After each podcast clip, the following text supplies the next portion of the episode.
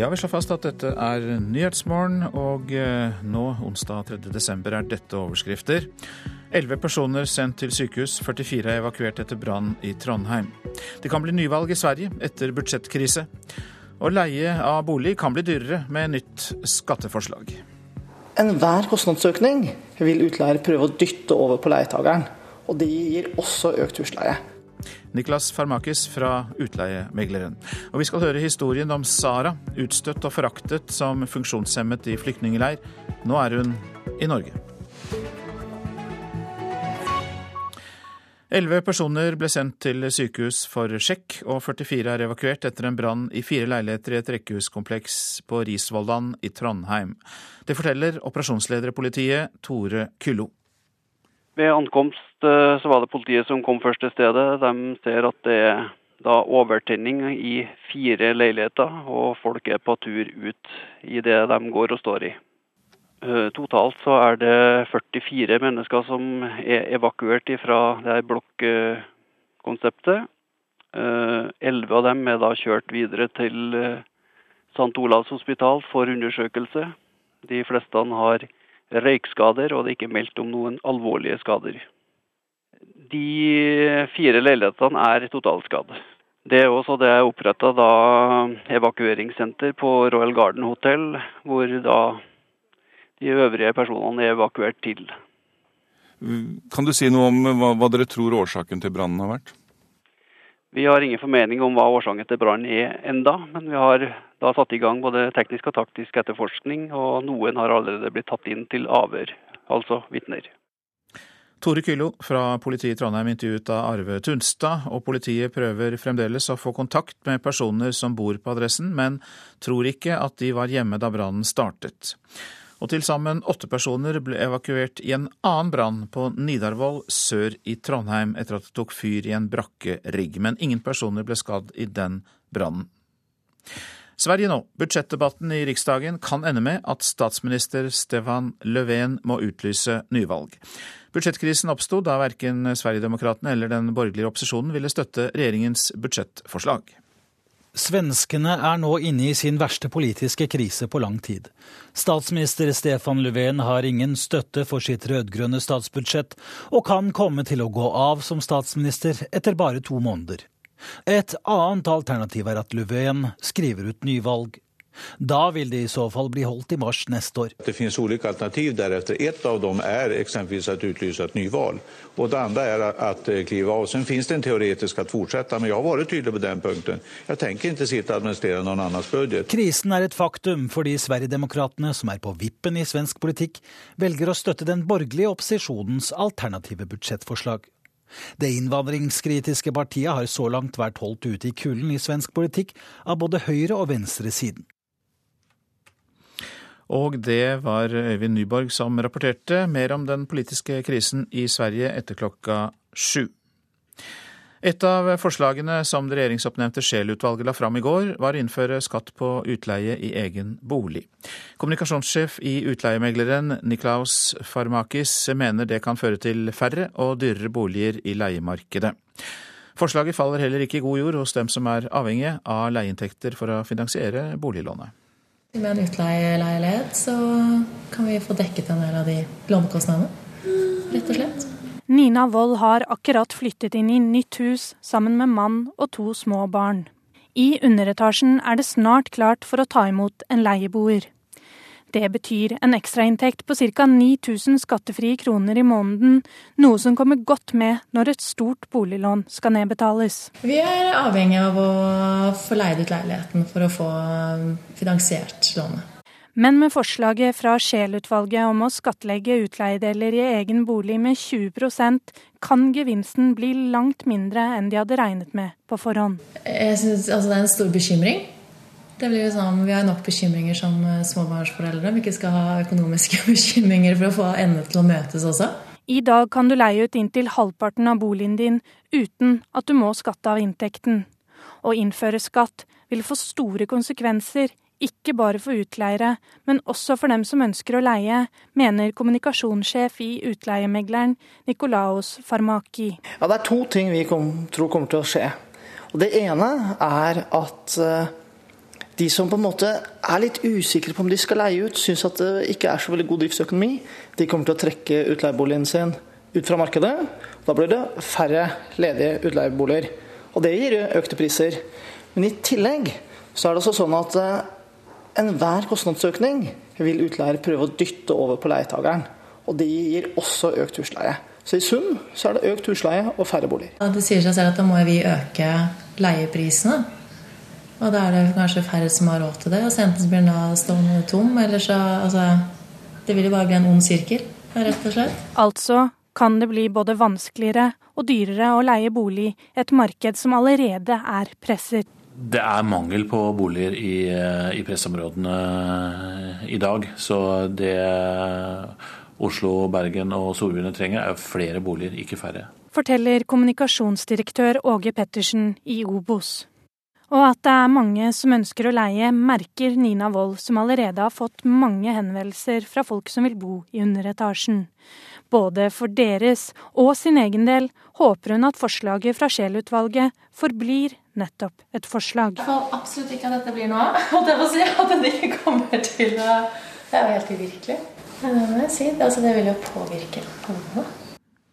Reportere her Silje Herbro Landsverk og Katrin Hellesnes. Det er den internasjonale dagen for funksjonshemmede. Ifølge Plan Norge har over sju millioner flyktninger funksjonshemming. De blir ofte utstøtt i flyktningleirene og får sjelden den medisinske og sosiale hjelpen de trenger. Det vet 17 år gamle Sara Mao alt om. This is the hun ser på bildet fra en flyktningleir i Jemen, bildet som henter fram vonde minner. You know, som funksjonshemma jente var Sara nederst på rangstigen. Så difficult. So painful. So trouble. Det var så vanskelig, så smertefullt og så fryktelig. Jeg tenkte aldri at jeg en dag skulle føle meg glad eller trygg, forteller Sara. I'm just sick. I'm just, uh, I'm just feel, I'm just feel bad, bad, bad feeling. Hun sier at hun ble spytta på, sparka og fortalt at hun var et dyr. Hun gikk på skole, men til slutt ble mobbinga så voldsom at hun ikke orka å gå dit mer. The student in the school, is it uh, same for me? Både elevene og lærerne mobba. De skada meg fysisk også, forteller 17-åringen. Funksjonshemminga kom av tuberkulose. Familien hadde ikke råd til behandling. Sykdommen åt opp beinvevet og bøgde ryggraden hennes i feilstilling. Uten operasjon kom hun trolig til å dø. Så fikk menneskesmuglere Sara til Norge, og her fikk hun hjelp. Langsomt fikk legene strekt ryggen hennes, millimeter for millimeter. Så kom flere operasjoner. Ryggen måtte bygges opp på nytt. Uh, if I'm not, if I'm not uh, coming here, I know I. Om jeg ikke hadde kommet hit, vet jeg at jeg hadde dødd, sier Sara. I dag er hun nesten helt frisk. Um, I'm so lucky. Og eh, Sara Mau sto for første gang fram i Bergens Tidende i september i år, og reporter her, det var Eirin Årdal. Og eh, generalsekretær Olaf Thommessen, du er kommet i studio. Rett til deg, er Saras historie unik, eller er det mange slike?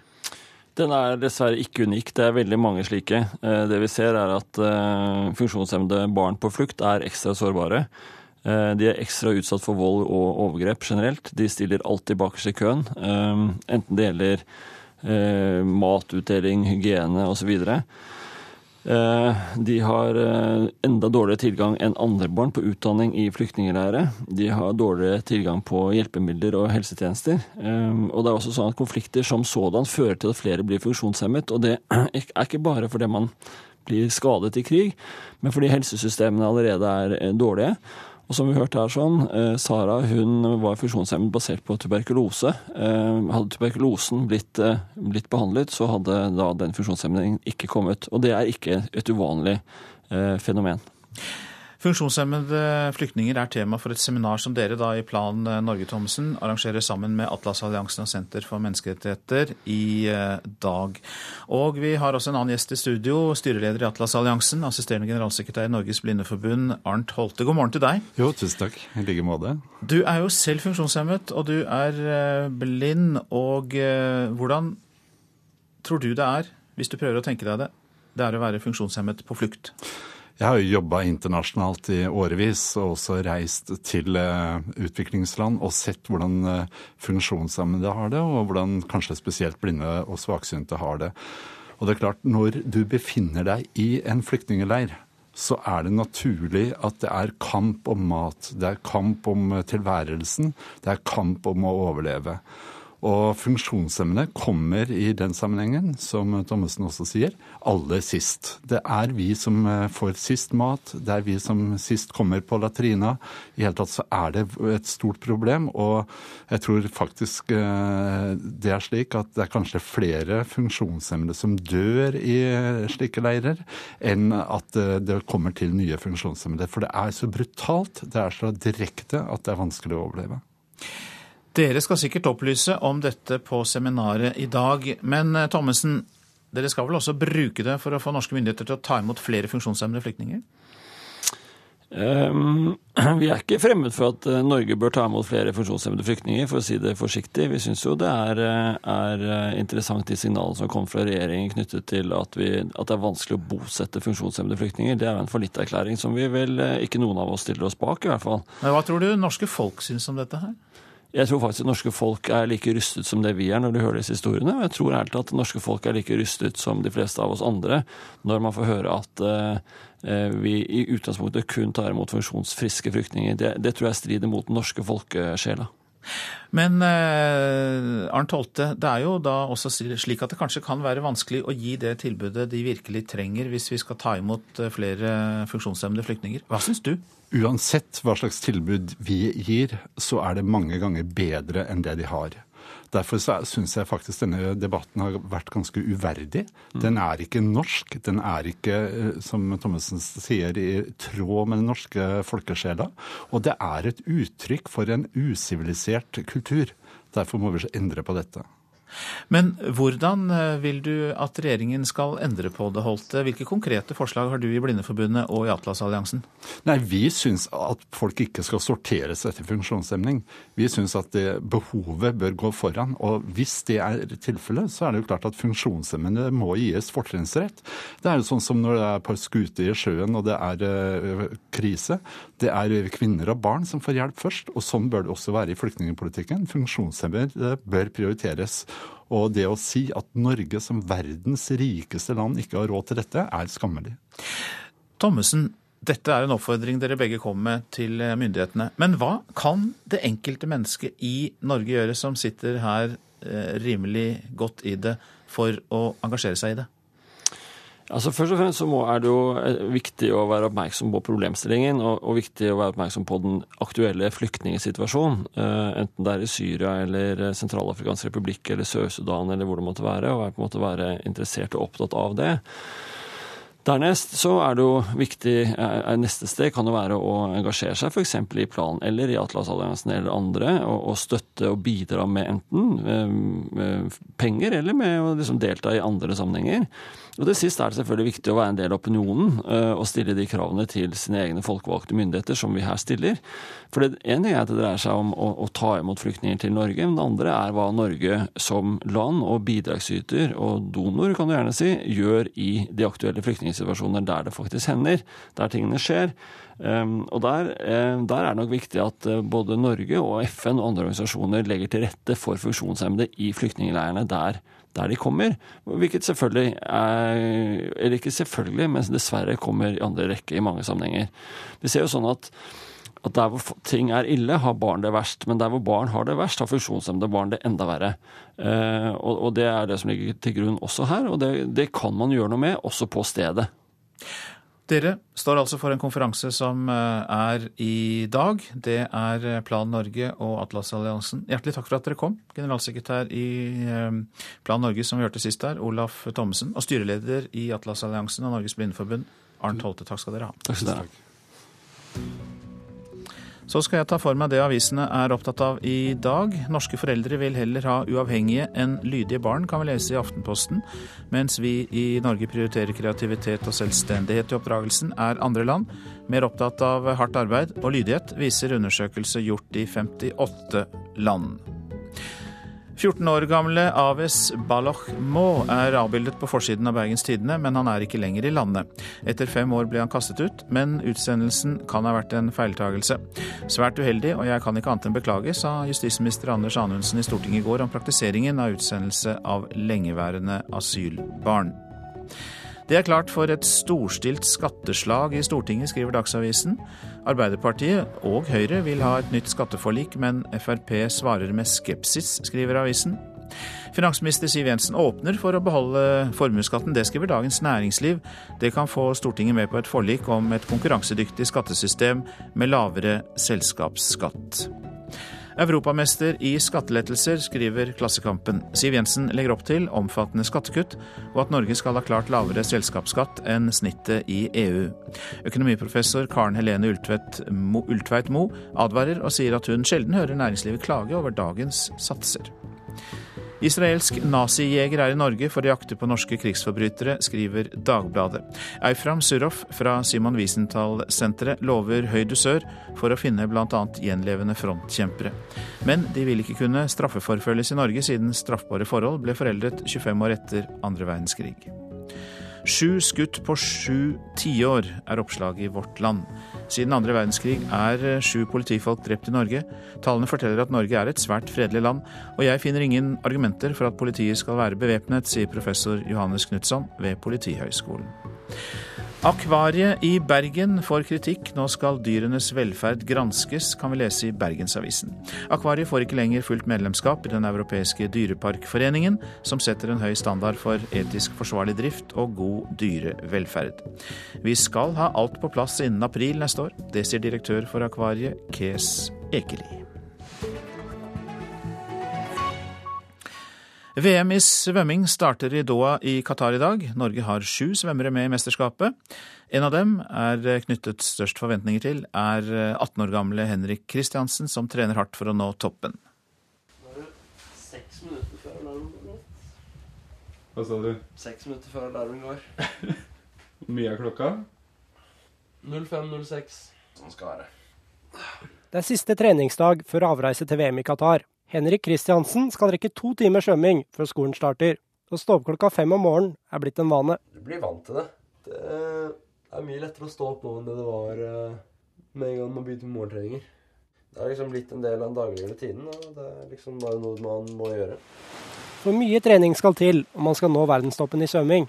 Selv om Henrik Kristiansen fortsatt ikke er ferdig på videregående, har 18-åringen likevel økt treningsmengden til 1500 timer i året før denne sesongen. Hatt en liten økning i treningsmengde fra det jeg hadde i fjor. I tillegg til litt mer landtrening og den type. Så det har vært en økt treningsbelastning. Jeg føler det egentlig har gått veldig fint. Maksfarten min har jo hatt betydelig økning. Det, jeg svømmer mye fortere det, det noen som har gjort. Så jeg håper det kan komme positivt ned.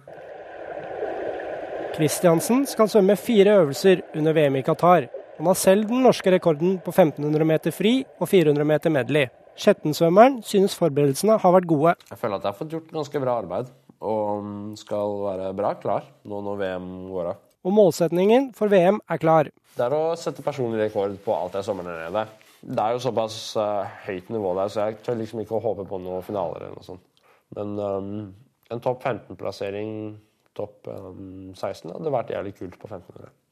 Henrik Kristiansen til reporter Fredrik Stuve. Dette er Nyhetsmorgen, og klokka passerte nettopp 6.49. Vi har disse hovedsakene. Elleve personer ble sendt til sykehus for sjekk, og 44 er evakuert etter en brann i fire leiligheter i et rekkehuskompleks på Risvollan i Trondheim. Budsjettdebatten i Riksdagen i Sverige i dag kan ende med at statsminister Stefan Löfven må utlyse nyvalg. Frosne grønnsaker mot ferske. Hva er best på vinterstid? Det får du vite mer om i Nyhetsmorgen. Nå om at VG bl.a. skal bruke journalister fra Adresseavisen som distriktsreportere i sin nye TV-satsing. Leverandøravtaler med avishus både i og utenfor Skipsted-konsernet skal bidra til at VGs TV-kanal kan dekke store, store deler av landet. God lørdag formiddag og velkommen. Du ser på VG som fra og med i dag også starter sendinger på TV. Slik hørtes det ut da VGTV for første gang gikk på luften på vanlig TV, distribuert av Kanal Digital den 8. november. Siden den gang har de knyttet til seg Fedrelandsvennen, Stavanger Aftenblad og Bergens Tidende. Alle skipsdedeide aviser. Nå får de også med seg Adresseavisen i Trondheim, som ikke er eid av Skipsted, men som har inngått en avtale med VGTV som betyr at Adresseavisen kan rykke ut og dekke store hendelser i Midt-Norge for VGTV. Det betyr i praksis at VGTV så å si har nyhetskorrespondenter nesten over hele Norge, sier redaktør og direktør i VGTV Helge Solberg. Det sier seg selv at det vil styrke vår nyhetsdekning. Vi har nå et selskap på 61 medarbeidere, ansatt 25 de siste månedene. Og det er klart at vi kan levere innhold nå, også digitalt, på et helt annet nivå enn tidligere. Nyhets- og sportsredaktør i TV 2 Jan Ove Aarsæter tror at VGTV med tiden kan bli en stor konkurrent når det gjelder innenriksstoff. Jo, jeg vil tro det. Og det er klart det å kunne dekke hele Norge, og også til en viss grad være veldig rask på å dekke hele verden, det blir jo en del av eh, det naturlige oppdraget for de som skal konkurrere på, på nyhets-TV. Hvilke fordeler har, eh, har eh, VGTV eh, foran nyhetskanalen, om, om, det har noen som helst fordel? Nei, Jeg tror det vil skje det samme som skjedde når TV 2 kom i sin tid. At TV 2 senka terskelen for hva vi eh, sendte direkte på. og Det førte igjen til at NRK fulgte etter og senka sin terskel. Og nå tror jeg at eh, Torje Pedersen har rett i det når han sier det at VGTV vil nok senke terskelen videre for hva en går direkte på, og de vil av og til slå NRK og TV 2 på, på hendelser der de er først ute. Det tror jeg eh, kan skje. Nyhetsredaktør i NRK, Stein Bjøntegård, har denne kommentaren. Det er jo ingen overraskelse at eh, VG satser stort, det vet vi. Eh, det er en konkurranse som vi selvfølgelig tar alvorlig, men som vi ikke frykter. Dette markedet som går i skjæringspunktet mellom TV og nett, det skjerpes stadig. Det merker vi, og det merker TV 2. Poenget er jo å stå på, og det kommer vi også til å gjøre. Til slutt der, Stein Bjøntegård, nyhetsredaktør i NRK, og reporter var Jan Rye Ravnestad. I morgen starter den prestisjetunge musikkonferansen Art of Record Production på Universitetet i Oslo. Norge er trendsettende både innen musikkproduksjon og musikkonsum, så det er ikke rart konferansen blir lagt hit, mener musikkeksperter.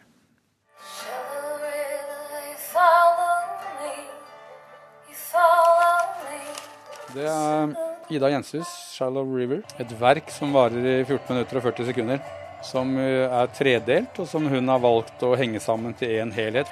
Produsent Kai Robøle viser fram et eksempel på at artister, låtskrivere og produsenter må tenke nytt rundt måten de presenterer musikken på, fordi stadig flere lyttere ikke lenger hører på album, men velger seg enkeltlåter i strømmetjenester som Spotify og Wimp. Noe av tanken til artisten med helhet blir ødelagt. Sju av ti nordmenn bruker strømmetjenester, og ingen andre i Norden er så villige til å betale for strømming som oss nordmenn.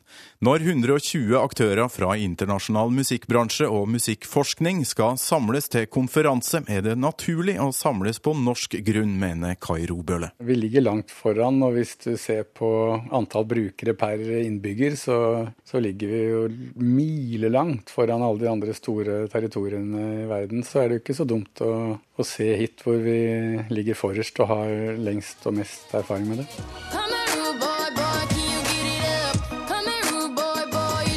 Den norske produsentduoen Stargate, som bl.a. har skrevet og produsert flere låter for artisten Rihanna, er blant aktørene som skal dele sine erfaringer på konferansen Art of Record Production, som starter i Oslo i morgen. De tre siste årene har konferansen blitt avholdt i land som Canada, USA og Storbritannia. Prosjektleder Anne Danielsen tror Institutt for musikkvitenskap i Oslo har fått rollen som vertskap både fordi Norden er foran når det gjelder strømmeteknologi, og fordi Norge har et stort musikkforskningsmiljø. Den handler også for så vidt om hvordan innspillingsestetikken liksom, endrer seg som en følge av nye digitale verktøy og og internett. Og der tror jeg nok for så vidt at det har vært også et større forskningsmiljø på Universitetet i Oslo da, som har vært eh, langt framme internasjonalt, og som har gjort at man har tenkt at Oslo er et godt sted for den konferansen. Reporter her Torkil Thorsvik. Den amerikanske skuespilleren og komikeren Bill Cosby er saksøkt av en kvinne som hevder å ha blitt utsatt for seksuelt overgrep i 1974. Kvinnen hevder at Cosby forgrep seg på henne da hun var 15 år gammel. Den siste tiden er 77-åringen blitt anklaget for overgrep av flere kvinner. Det har ført til avlyste forestillinger, og TV-kanalen NBC har også avlyst en planlagt TV-serie med Bill Cosby. De eh, fleste av oss velger å spise ferske grønnsaker når vi handler, året rundt. Men om vinteren er faktisk de frosne grønnsakene de sunneste. Og det var ikke mange som visste da NRK spurte folk i butikken. Da vil jo helst spise friske grønnsaker, da. Ferske og ikke gjort noe mer. Og de er ikke alene om å ville velge de ferske grønnsakene året rundt. Seks av ti nordmenn velger de ferske grønnsakene, selv om det faktisk er sånn at det er de frosne, norske grønnsakene som har høyest næringsinnhold i vinterhalvåret. Ernæringsfysiolog Evin Bjørnstad forklarer hvorfor det er sånn. På vinterhalvåret så har jo grønnsaker og frukt reist veldig langt. Det vil svekke næringsinnholdet i forhold til det som blir høsta, modent og har kort reisevei. Det er Findus som har bestilt undersøkelsen fra Norstat. Atle Farmen er administrerende direktør i Findus Norge, og han forklarer litt om resultatene de fikk av undersøkelsen. Eh, oppbevarer man brokkoli i, i fire dager med, med fire graders temperatur, så forsvinner 13% av C-vitaminene. Tilbake til butikken og de handlende der. Slik reagerte de da de fikk vite at frosne grønnsaker er hakket bedre enn de ferske på vinterstid. Ja, det høres veldig bra ut, syns jeg. Ja. Reportere Marianne Åkermann og Mathilde Thorsø. Så skal jeg ta for meg værvarselet fram til midnatt. Fjell i Sør-Norge. Vestlig opp i sterk kuling utsatte steder sør for Haukeli frisk bris. Opphold og perioder med sol, men i vestlige og nordlige områder nord for Langfjella litt snø, etter hvert regn under 1200 meter. Østafjells får oppholdsvær og en del sol, men lokal tåke, og det kan fryse på bakken. Utpå dagen mer skyer nord på Østlandet. Rogaland får skyet eller delvis skyet, stort sett opphold. Hordaland opp i liten kuling i nord, litt regn og yr, snø i høyereliggende strøk. Sogn og Fjordane sørvest opp i stiv kuling, ved Stad blir det liten storm i dag, i kveld minker vinden. Regn og yr i Sogn og Fjordane, snø i høyereliggende strøk. Møre og Romsdal sørvest til dels full storm på kysten, i kveld liten minkende vind. Regn, snø i høyden. Trøndelag sørvest til dels full storm på kysten, i ettermiddag vestlig sterk kuling i nord, i kveld sørvest opp i liten storm. Regn, lokalt mye nedbør nord for Trondheim. Det blir sludd og snø i indre og høyereliggende strøk. Nordland sørvest sterk kuling utsatte steder. Fra i formiddag vestlig liten storm. Kan hende kortvarig full storm. I kveld minking til vestlig liten kuling. Regnbyger, i høyereliggende strøk snøbyger. Stedvis store nedbørsmengder på Helgeland. I formiddag utrygt for torden også. Troms sørlig liten kuling utsatte steder. Fra ettermiddag vestlig sterk kuling, kan hende kortvarig liten storm. Regnbyger og i høyere strøk av Troms snøbyger. Finnmark på kysten i øst sørøstlig liten kuling. I kveld vestlig sterk kuling lengst vest, og enkelte snøbyger. Dordensjøland på Spitsbergen østlig sterk kuling utsatte steder, og det blir litt snø i sør, men ellers opphold. Så var det temperaturene målt klokka fire. Svalbard lufthavn minus 10, Kirkenes minus 6, Vardø minus 2, Alta minus 3. Så er det noen plussgrader her. Tromsø-Langnes 2, Bodø 4, Brønnøysund 6, Trondheim-Værnes også 6. Molde 8, Bergen-Flesland 4, Stavanger 2, Kristiansand-Kjevik minus 2, Gardermoen minus 5, Lillehammer minus 6, Røros minus 4 og Oslo-Blindern minus 2 grader. Nei, minus én grad skal det være, og det var klokka fire i natt. Og så minner vi om at vi går dypere inn i krisen i svensk politikk etter eh, Dagsnytt klokka sju.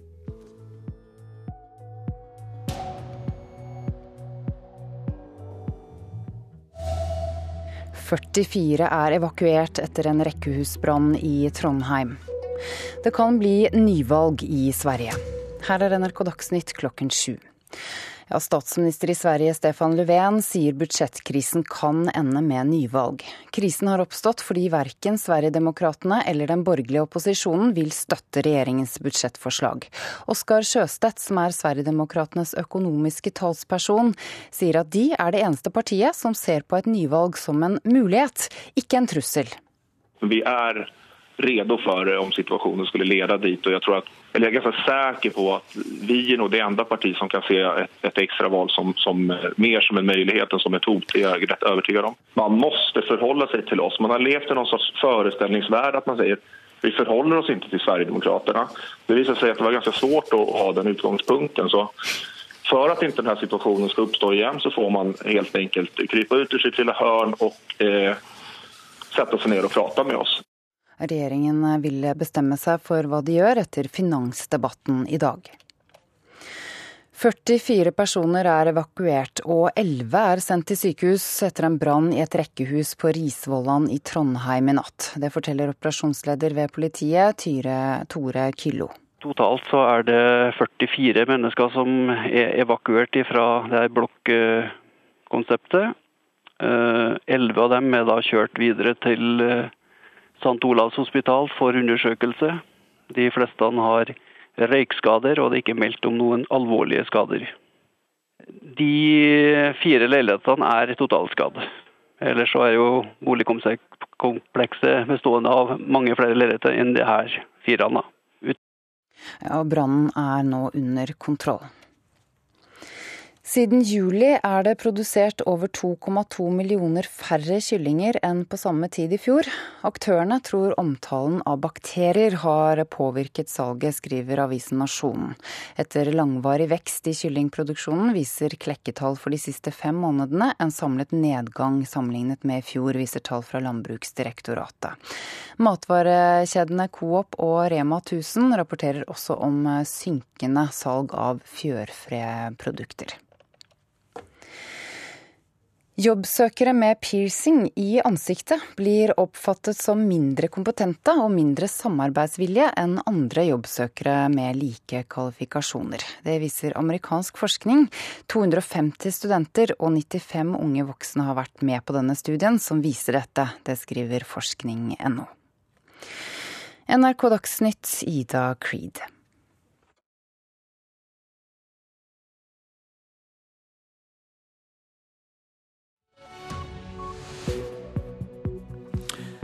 Hva gjør svensk politikk så forskjellig fra norsk? Vi henter inn kommentarer til eh, den svenske budsjettkrisen, og får også inn eh, direkterapport eh, fra Stockholm her i Nyhetsmorgen. Regjeringen kommer ikke med noen ny handlingsplan mot menneskehandel. Og vi skal høre at brannmenn i Tysvær i Rogaland sliter med gammelt utstyr. Den nyeste brannbilen er 30 år gammel.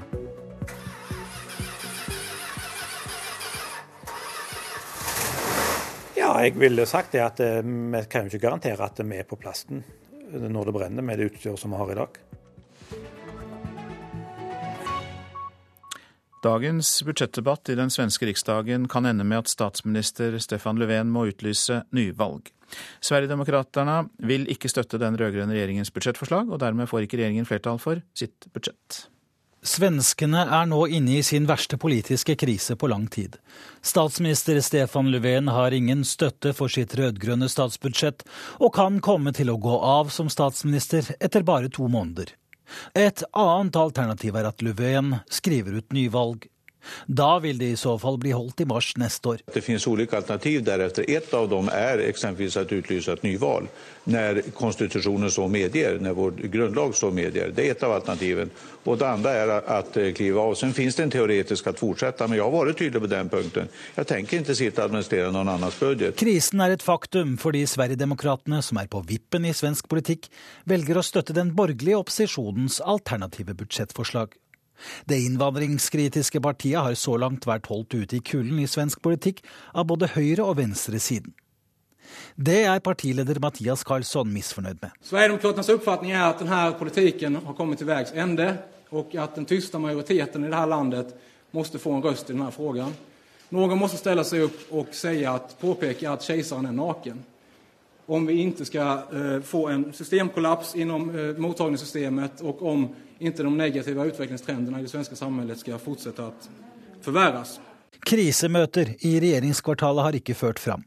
De borgerlige partiene er ikke med på noe samarbeid med den rød-grønne regjeringen.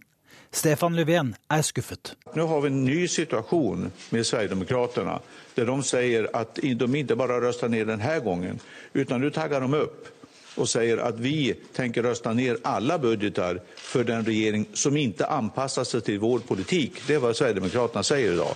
Det är ett nytt läge i svensk politik, det är nya förutsättningar och då är det rimligen så att då måste man fundera igenom den, det läget. Löfven vil bestemme seg for avgang eller nyvalg etter Riksdagens behandling av budsjettet. Reporter Øyvind Nyborg. Og eh, reporter Anne Mone Nordahl, du er i Stockholm nå. Og hva kommer til å skje i det svenske budsjettdramaet i dag? Ja, Dramaet begynner allerede klokka ni. Da skal Riksdagen eh, debattere de ulike finansalternativene, eller statsbudsjettalternativene. Men først klokken fire i ettermiddag skal det stemmes. Eh, og først da avstemningen altså er avgjort, så vil Löfven avgjøre hva han gjør. og Dermed får vi først vite en gang i kveld om regjeringskrisen er et faktum. Hvilke alternativer har Löfven? Han kan enten velge å utlyse nyvalg, eh, noe han først kan gjøre i romjulen 29.12. Alternativt eh, kan han be den svenske riksdagspresidenten om Eh, og si at han trekker seg, og at han er eh, avhengig av å sette sammen en ny regjering eh, basert på de alternativene som foreligger fra, fra valget i høst. Men det ser jo mørkt ut, fordi ingen, ingen av blokkene ønsker å samarbeide med Sverigedemokraterna. Så så lenge de borgerlige heller ikke åpner for dette samarbeidet, fins det ikke noe alternativ til den sittende rød-grønne regjeringen. Så Dersom det skjer, eh, det som alt tyder på, at eh, den sittende regjeringens budsjett eh, ikke vil bli stemt gjennom i Riksdagen, så går den svenske politiske ledelsen inn i helt ukjent terreng. Hva skriver svenske aviser om dette?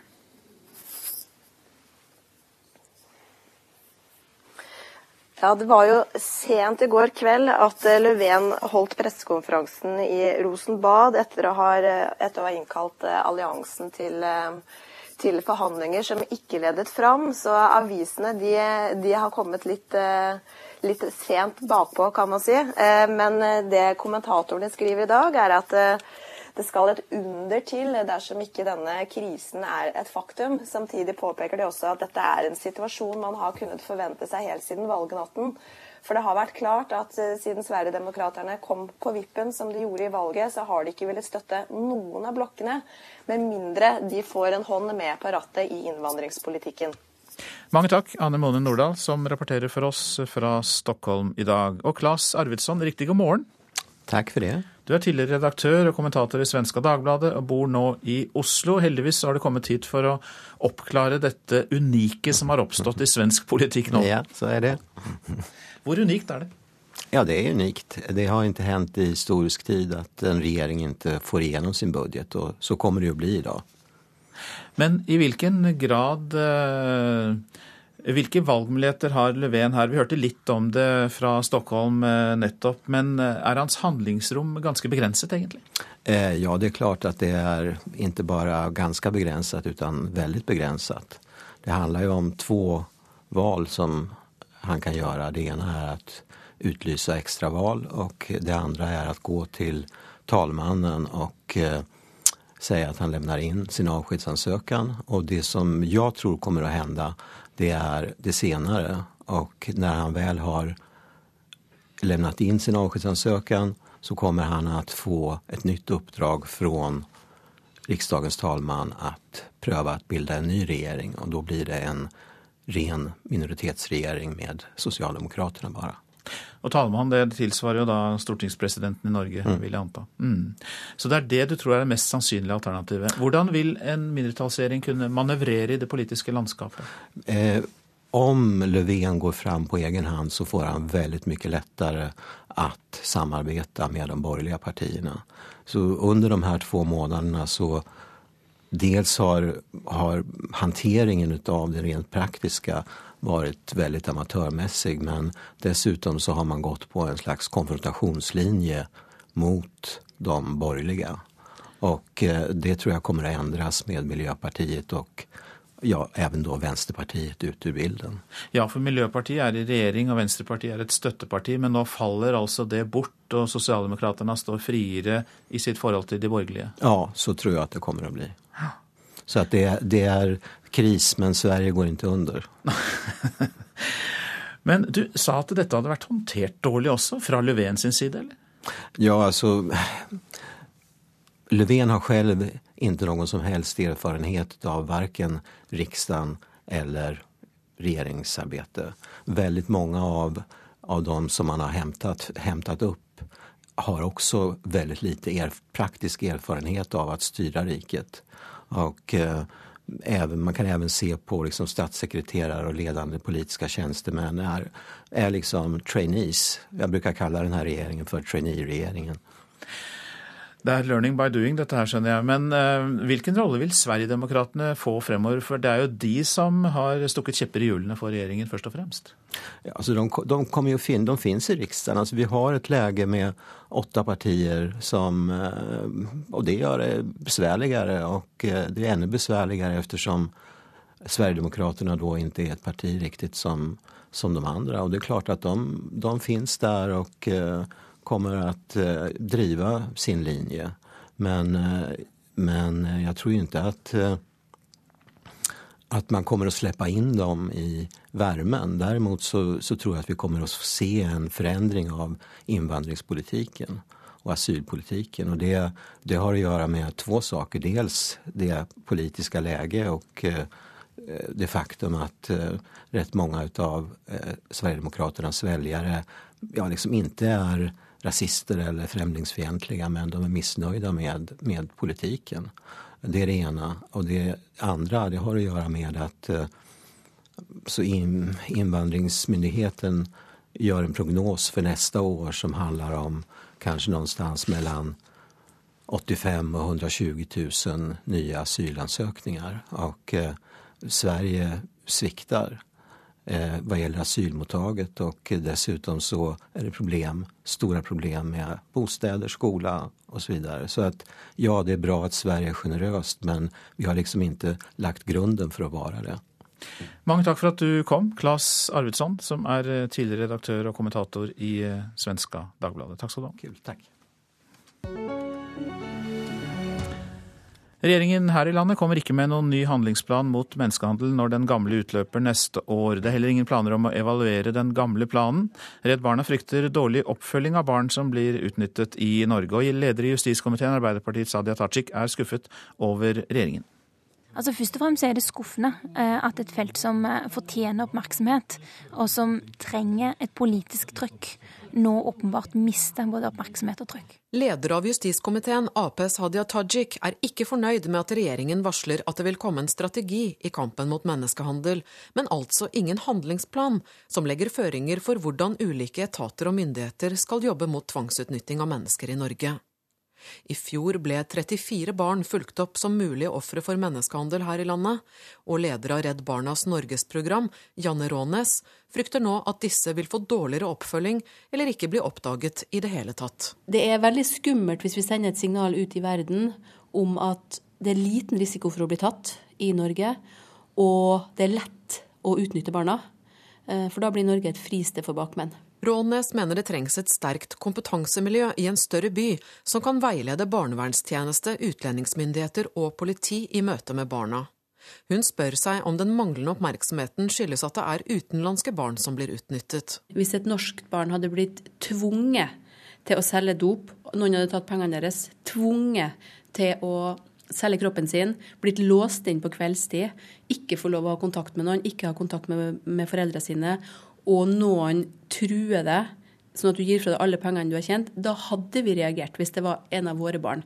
Når den tredje handlingsplanen utløper ved årsskiftet, er det heller ingen planer om å evaluere hvilke tiltak som har fungert, noe som overrasker representant for KrF, Kjell Ingolf Ropstad. Det å evaluere en plan betyr jo å få mer kunnskap om hva som gikk bra og hva som ikke fungerte godt, for å forbedre innsatsen.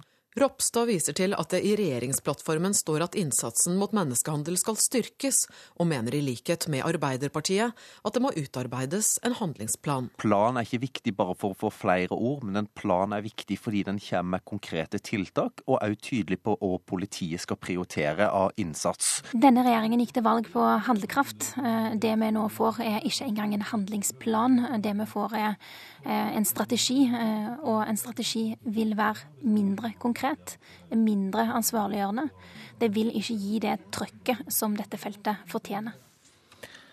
Og eh, til slutt der, eh, Hadia Tajik fra Arbeiderpartiet. Justisdepartementet ønsker ikke å kommentere saken. Reporter Kristine Næss Larsen. Synnøve Økland Jansen, god morgen til deg. God morgen til deg. Du eh, er forsker knyttet til Universitetet i Bergen og Politihøgskolen og skrevet doktorgrad om politiets innsats mot menneskehandel. Hvorfor mener du at det trengs en handlingsplan? Eh, altså, bare for å si Det det finnes jo flere politiske dokumenter som sier at vi skal prioritere menneskehandel. Og så er jo spørsmålet hvordan dette skal gjøres, og hvilke veier det arbeidet skal ta. Eh, og Da har handlingsplanen vært et sånt eh, veldig viktig styringsdokument for å fordele ansvar, men også for å forankre de politiske ambisjonene. Så når man ikke har en handlingsplan, så er jo det også litt utydelig hva denne regjeringen ønsker seg. Ja, det var kanskje litt dårlig gjort av meg å spørre, å si det til deg som forsker, at du mener det. Men mm. det du sier, tyder jo på at en handlingsplan kan inneholde såpass eh, mange ting som vil hjelpe i arbeidet med å unngå menneskehandel. Altså, jeg tror ikke man skal stikke under stol. Det hjelper jo ikke med pene ord hvis ikke det følger ressurser og uh, tydelig vilje til å prioritere. Men uh, det er jo likevel sånn at noen skal ta ansvar for å følge opp om uh, helt, altså, tiltak man bestemmer seg for, blir gjennomført. Og der har handlingsplanen vært litt nyttig verktøy. da. Mm. Fordi det nettopp peker på hvilke departementer som skal gjøre hvilke type oppgaver. Og hvilke type menneskehandel er det vi ikke har nok oppmerksomhet nå, som kanskje en handlingsplan kunne satt inn støtet mot? Det er litt sånn stort spørsmål, for er, vi er på en måte i begynnelsen egentlig av å, å bygge opp kompetanse på dette feltet. Sånn at eh, eh, det er ganske mange ting vi ikke vet eh, så veldig mye om her. Men foreløpig så det som vi har hatt mye fokus på, har jo vært prostitusjon. Og nå har vi begynt litt med andre å være observant på andre fenomener. Nå er jeg litt redd for at man på en måte heller enn å bre ut og styrke, eh, bare skifter retning. Det inntrykket vi fikk av dette innslaget, var jo at det er et mørkt samfunn der barn blir stengt inne, der de selger dop, der de selger kroppen sin, som nærmest er skjult under det perfekte fernisset av et norsk samfunn. Ja, og det, er vanskelig for meg å forske og si eh, hvordan virkeligheten eh, på en måte er for det individuelle. Men eh, samfunnet er jo sammensatt, og vi skal jo ikke underslå at det er, stor, altså det er også store forskjeller mellom barn som lever i Norge. Og hva det viktige spørsmålet er jo hvilke rettigheter de har. Og sånn sett så det det som er på en måte det skremmebildet som ligger under her, er jo dette todelte samfunnet. Der noen har rett på beskyttelse av menneskerettighetene sine, og andre da ikke får på en måte rettighetene sine realisert. For rettigheter har alle sammen. Spørsmålet er jo om, om vi som samfunn klarer å realisere de. Det er vel det som er det store spørsmålet. Hjertelig takk for at du kom, Synnøve Økland Jansen, som eh, da forsker på dette spørsmålet. Politiets innsats mot eh, menneskehandel. Jobber for Politihøgskolen og for Universitetet i Bergen. Takk skal du ha. Du lytter til Nyhetsmorgen, og klokka den er snart 7.19. Vi har disse hovedsakene.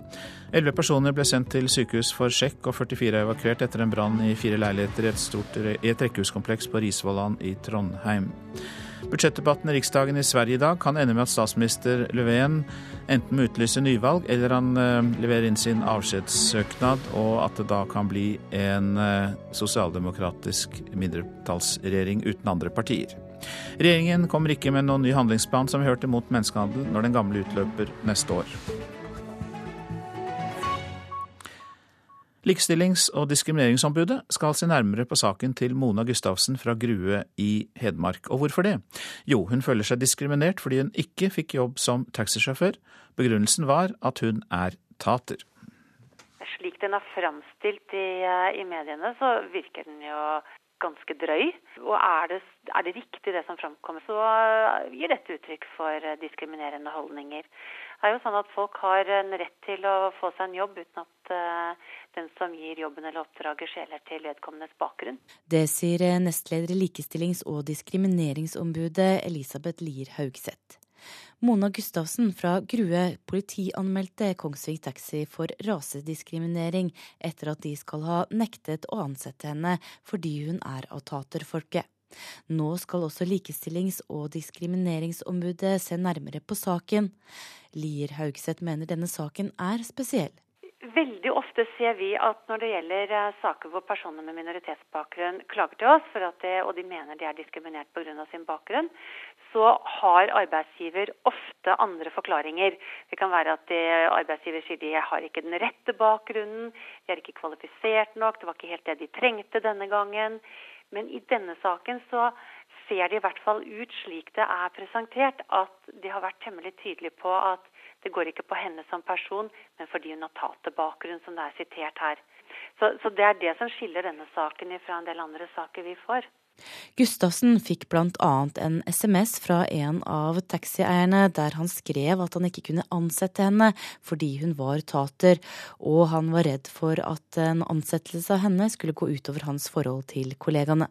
En av lederne i Kongsvinger Taxi bekreftet også i en telefonsamtale som Gustavsen tok opp, at det er stor skepsis til å ansette tatere i hele drosjenæringa. Tidligere har ikke Kongsvinger Taxi tatt eh, selvkritikk i saken, men eh, daglig leder Frode Flosand sier nå dette. Det er jo en tragisk situasjon alt sammen, som jeg sier. Her må vi bare legge oss flat. Det er ikke noe annet å få gjort med det. Beklager dere dette på noe slags vis? Ja, det må jeg jo gjøre, for det er jo en som har sendt ei melding som aldri skulle vært på trykk. Men Forstår du at saken får eh, oppmerksomhet? Ja, det forstår jeg. Og det er jo noen som har vært uheldige her med noen uttalelser. Her må vi bare legge oss flat og beklage, og så får vi ta det etter hva som kommer her nå. Så vi må rydde opp i egne rekker og prøve å få dette unna nå. Flosan ønsker ikke å si noe om hva han vil gjøre med saken utover det. Nestleder i Likestillings- og diskrimineringsombudet er på sin side overrasket over å få en slik sak på bordet. Ja, det er jeg egentlig. Eh, jeg, ikke, jeg, trodde ikke at, vi, eh, at, man eh, skiller på personer pga.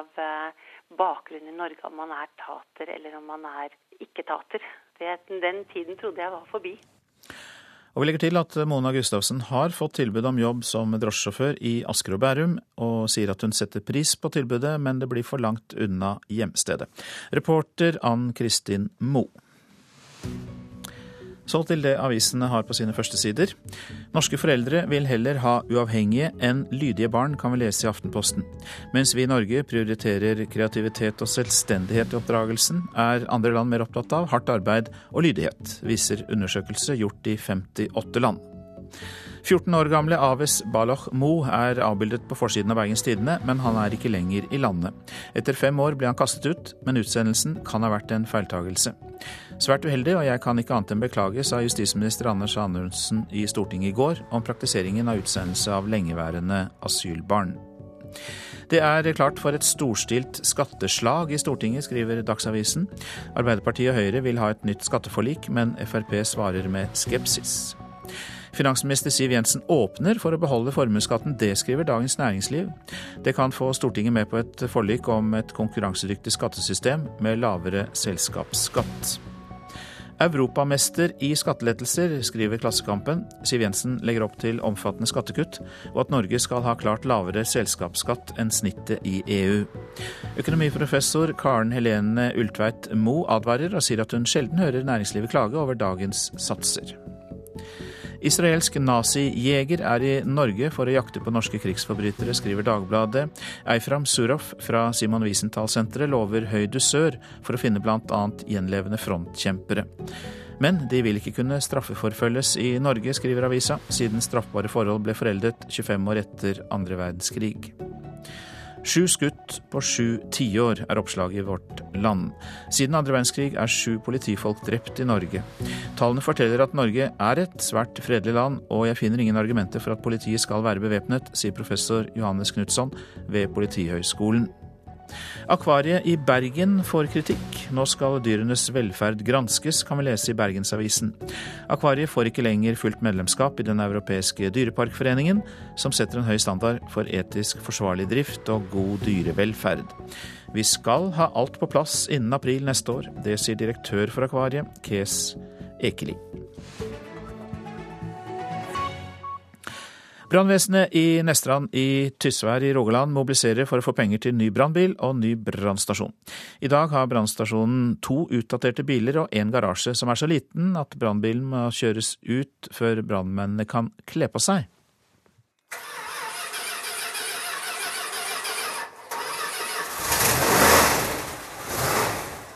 Det trengs et par forsøk, men han starter som regel til slutt. Den 30 år gamle amerikanske Dodge brannbilen til brannvesenet i Nedstrand er stasjonens nyeste kjøretøy. Det sviver jo så bare juling, denne. Ja da, hvis vi er fornøyde med også, også at de starter, så er det jo greit nok. For start for meg, men, men eh, hvis vi skal gjøre en god eh, innsats for samfunnet, så eh, kunne vi jo tenkt oss noe mer enn en bil som bare starter. Sier Arve Nesheim Hauge. Han er brannkonstabel på brannstasjonen i Nedstrand. Sammen med kollega Ole Jonny Espevold, som er verneombud i Tysvær brannvesen, slår de nå full alarm om situasjonen på brannstasjonen i Nedstrand. Ja, jeg ville sagt det at eh, vi kan jo ikke garantere at vi er på plasten når det brenner med det utstyret som vi har i dag. Jeg føler at vi er på tynn is i dag. Brannvesenet i Nedstrand dekker et område som består av omtrent 400 husstander, samt et omsorgssenter og ei kirke. Men med to gamle brannbiler og en altfor liten garasje, mener de at sikkerheten til befolkningen i bygda ikke blir opprettholdt. De ønsker at brannstasjonen blir bygd ut, og at de får en nyere og større brannbil. Hvis alarmen går, så kommer folk kjørende her til. Så må vi kjøre ut én bil, hvis vi får start på den. Og så må folk kle seg. Og så er vi klart å kjøre ut neste bil. Litt kaffe? Litt kaffe, ja. Arvid Vallestad er rådmann i Tysvær kommune. Han forstår at brannvesenet er frustrerte. Men fordi det planlegges en helt ny brannstasjon i Nedstrand, og fordi det arbeides med et interkommunalt brannvesensamarbeid, blir det i det neste års budsjett verken satt av penger til ny brannbil eller utbygging av stasjonen. Det er, et behov som vi tar på alvor, selvfølgelig. Men uh, vi må se dette i en helhet, og vi må fremme det som en samla løsning som òg er tilpassa det, det en nå jobber med interkommunalt. Det er ikke bare i Nedstrand at brannvesenet sliter med for dårlig utstyr. Anne Rygg Pedersen er avdelingsdirektør for brann- og redningsavdelingen i Direktoratet for samfunnssikkerhet og beredskap, og sier at dette er et problem for brannmenn i hele landet. Ja, det er nok sånn at eh, det er ganske varierende nivå på utstyret i brann- og redningsvesenet rundt omkring i landet. Og en god del av de minste brann- og redningsvesenene våre har dessverre veldig dårlig utstyr mange steder. Vet ikke om han holder helt EU-kravet, for han sota litt. Men, det, han kommer seg i løpet av en stund. Så det Blålyset virker, alarmen virker, vet du, så det, det, er jo ikke verst sånn. Men, men det hjelper lite for, for fornuften. Tilbake på brannstasjonen i Nedstrand begynner brannbilen å gå seg varm. Nå frir brannvesenet til politikerne i håp om at de vil gjøre noe. Nei, Nå håper vi at eh, politikerne eh, tar alvor og så ser hvor situasjonen er i dag. At eh, det kan bli satt av penger til å bygge ny stasjon og bil. Reporter var Thomas eh, Halleland. Du lytter til Nyhetsmorgen, og produsent i dag Vidar Eidhammer. I studio Øystein Heggen. I reportasjen etter Dagsnytt kan du høre om den opphetede debatten som splitter Israel. Regjeringen foreslår å definere landet som en nasjonalstat for det jødiske folk, mens motstanderne frykter lovfestet rasisme. Asylbarna er tema for Politisk kvarter kvart på åtte. Dit eh, kommer justisminister Anders Anundsen.